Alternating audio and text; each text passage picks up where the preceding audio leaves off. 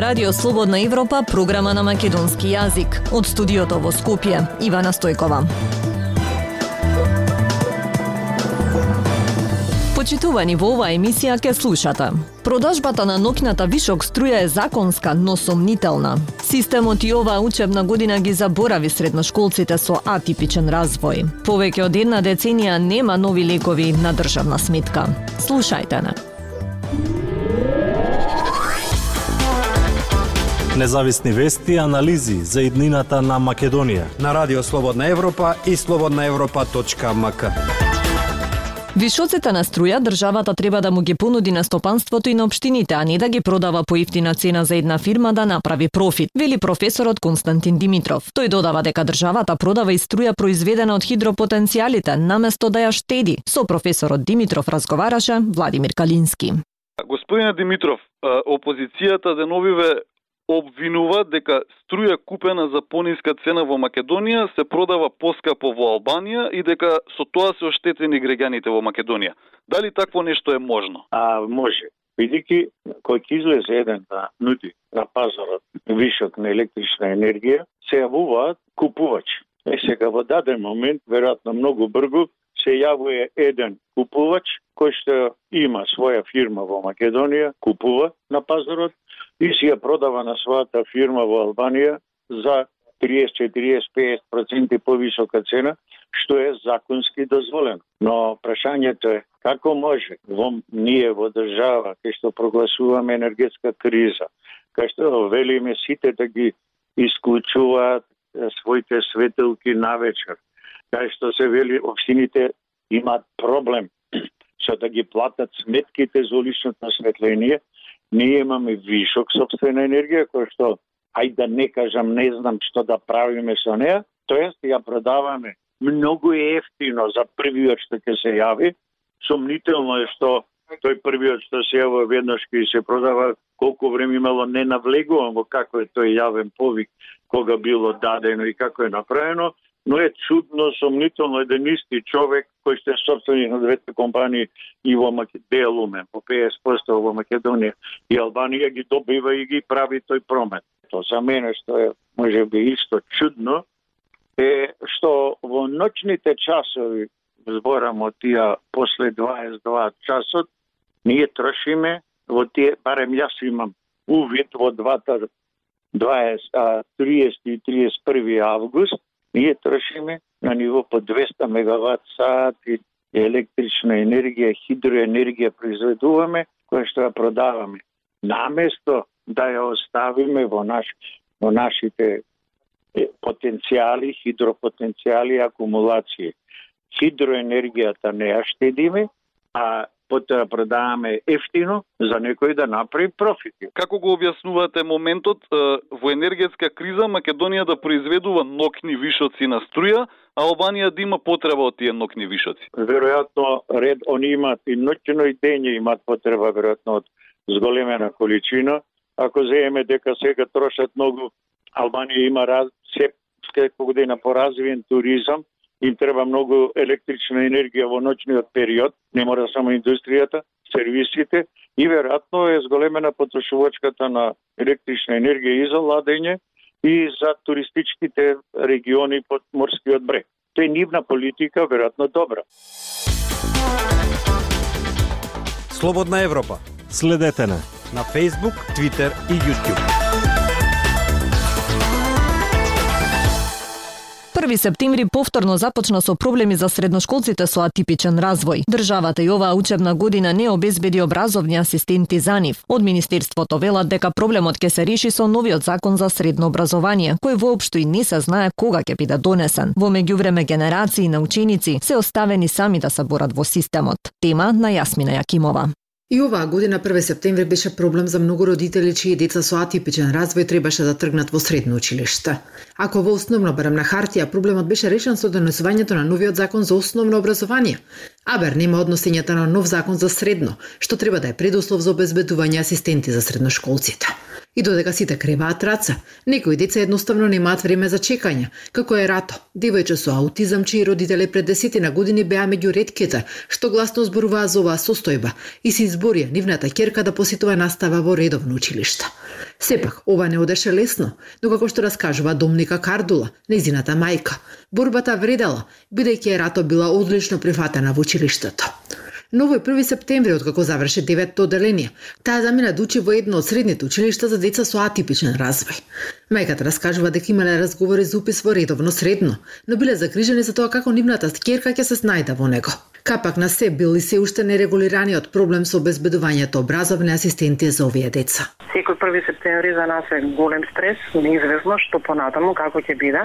Нашите желби е да нели тоа се решени низ институциите и да тоа се оди гладко. Меѓутоа многу сме свесни, од да кажеме толку години битка со и со состојбата на нашите деца и со системот, дека искрена желба, искрено разбирање нема во ниту една институција. Од Министерството за образование и наука велат дека проблемот со образовните асистенти ќе биде решен со носењето на новиот закон за средно образование кој е во процедура. Но нема информации кога тој ќе биде донесен. Смирувачките изјави до институциите сепак не значат многу за Филип, ученик со Даунов синдром кој годинава е трета година во редовното Скопско средно училиште Методи Митевски Брицо. Како што појаснува неговата мајка Сузана Стојановска, првата година им минала онлайн поради пандемијата, втората успеале да добијат асистент преку проект на Црвениот крст, но годинава сите креваат раца.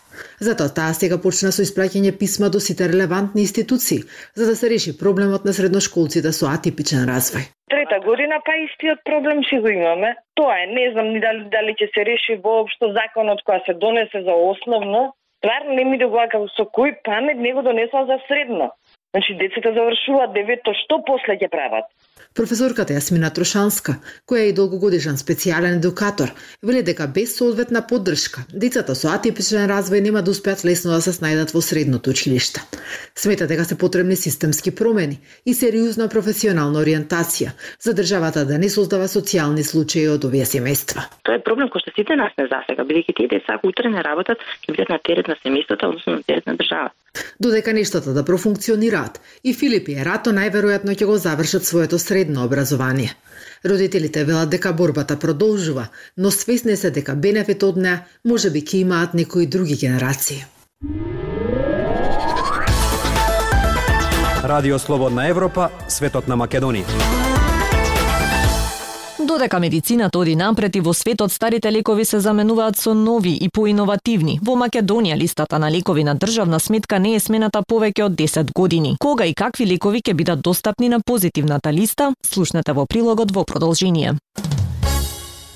Иако предизборно ветување на сега владеачката партија беше дека позитивната листа ке се менува дури еднаш годишно, што беше поставено и меѓу итните реформски приоритети, до сега не е реализирано. Наместо нови на листата на лекови кои се земаат на државна сметка се наоѓаат многу застарани лекови кои веќе се испрлени од употреба во други земји. Во меѓувреме пациентите или купуваат од свој джеп лекови од странство, или пак пијат по неколку лекови наместо едно апче кое содржи повеќе компоненти, но не им е достапно со рецепт. Пациентите со хроничен хепатит Б, на пример, со години на назад се борат да добијат нов лек на позитивната листа. Председателот на пациентското здружение Хепар Центар Битола Милан Мишковиќ вели дека лековите кои сега ги земаат пациентите со ова заболување се стари и во голема мера повеќе не се ефективни. Лековите кои досега се користеа за ова хронично заболување, односно за хроничен хепатитис Б, се испрлени употреба во цела Европа, како е во Соединетите Американски држави. Така да со самото заменување на на стариот лек со новите лекови, јас ми